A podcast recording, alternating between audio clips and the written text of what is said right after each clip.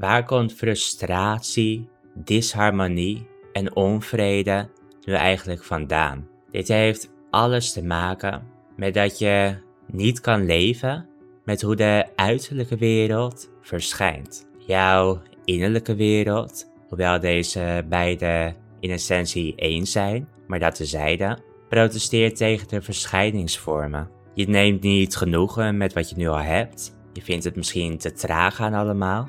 Je had eigenlijk veel verder willen staan. Je merkt dat jouw pad misschien wel moeizaam verloopt. Je maakt je zorgen over wat dan ook. Allemaal onnodige reacties die voortkomen uit een eenvoudige vergissing. En om welke vergissing gaat het dan wel niet? Het gaat om dat je vergeten bent van wie jij werkelijk bent. En dit is toch zo ongelooflijk jammer. Dat komt namelijk omdat je zo beperkt door het leven gaat en maar een klein deel kan ervaren qua mooiheid die het leven anders voor jou in compleetheid in petto heeft. Je hebt je daar alleen maar voor open te stellen. Alleen door te leven vanuit de mind in plaats van langs de mind is een saai, beperkt en voorspelbaar leven gegarandeerd het geval.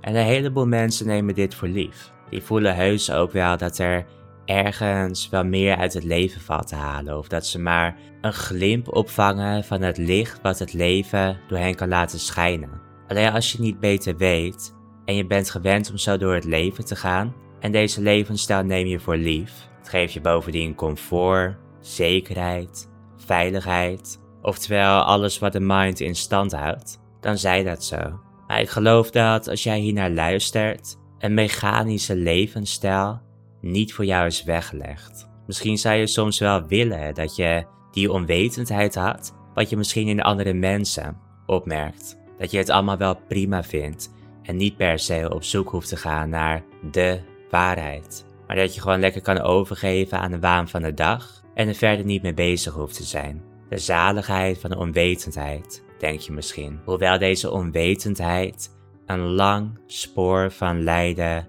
achterlaat. Je hebt zelf waarschijnlijk ook al ervaren dat het leven zoals je dat gewend bent, hoe dan ook, gepaard gaat met lijden. En dat dat tig vormen kan aannemen. Alleen je begrijpt ook echt wel dat of het nu gaat om een hele slechte nachtrust, of dat het gaat om paniekaanvallen, dat het beide uiteindelijk herleidbaar is uit dezelfde bron. Namelijk de bron van waaruit jij bent opgebouwd. Alleen wanneer je werkelijk inziet dat het slechts voorkomt uit deze bron, noem het voor het gemak even grenzeloos bewustzijn, dan zie je ook in dat het de bron zelf nooit pijn kan doen, nooit kan manipuleren, aantasten, stuk maken, afzwakken of elk andere vorm van invloed uit oefenen. Dit bewustzijn is wie jij bent. De mind die hierin verschijnt als extreem gefragmenteerd deel van het oneindige geheel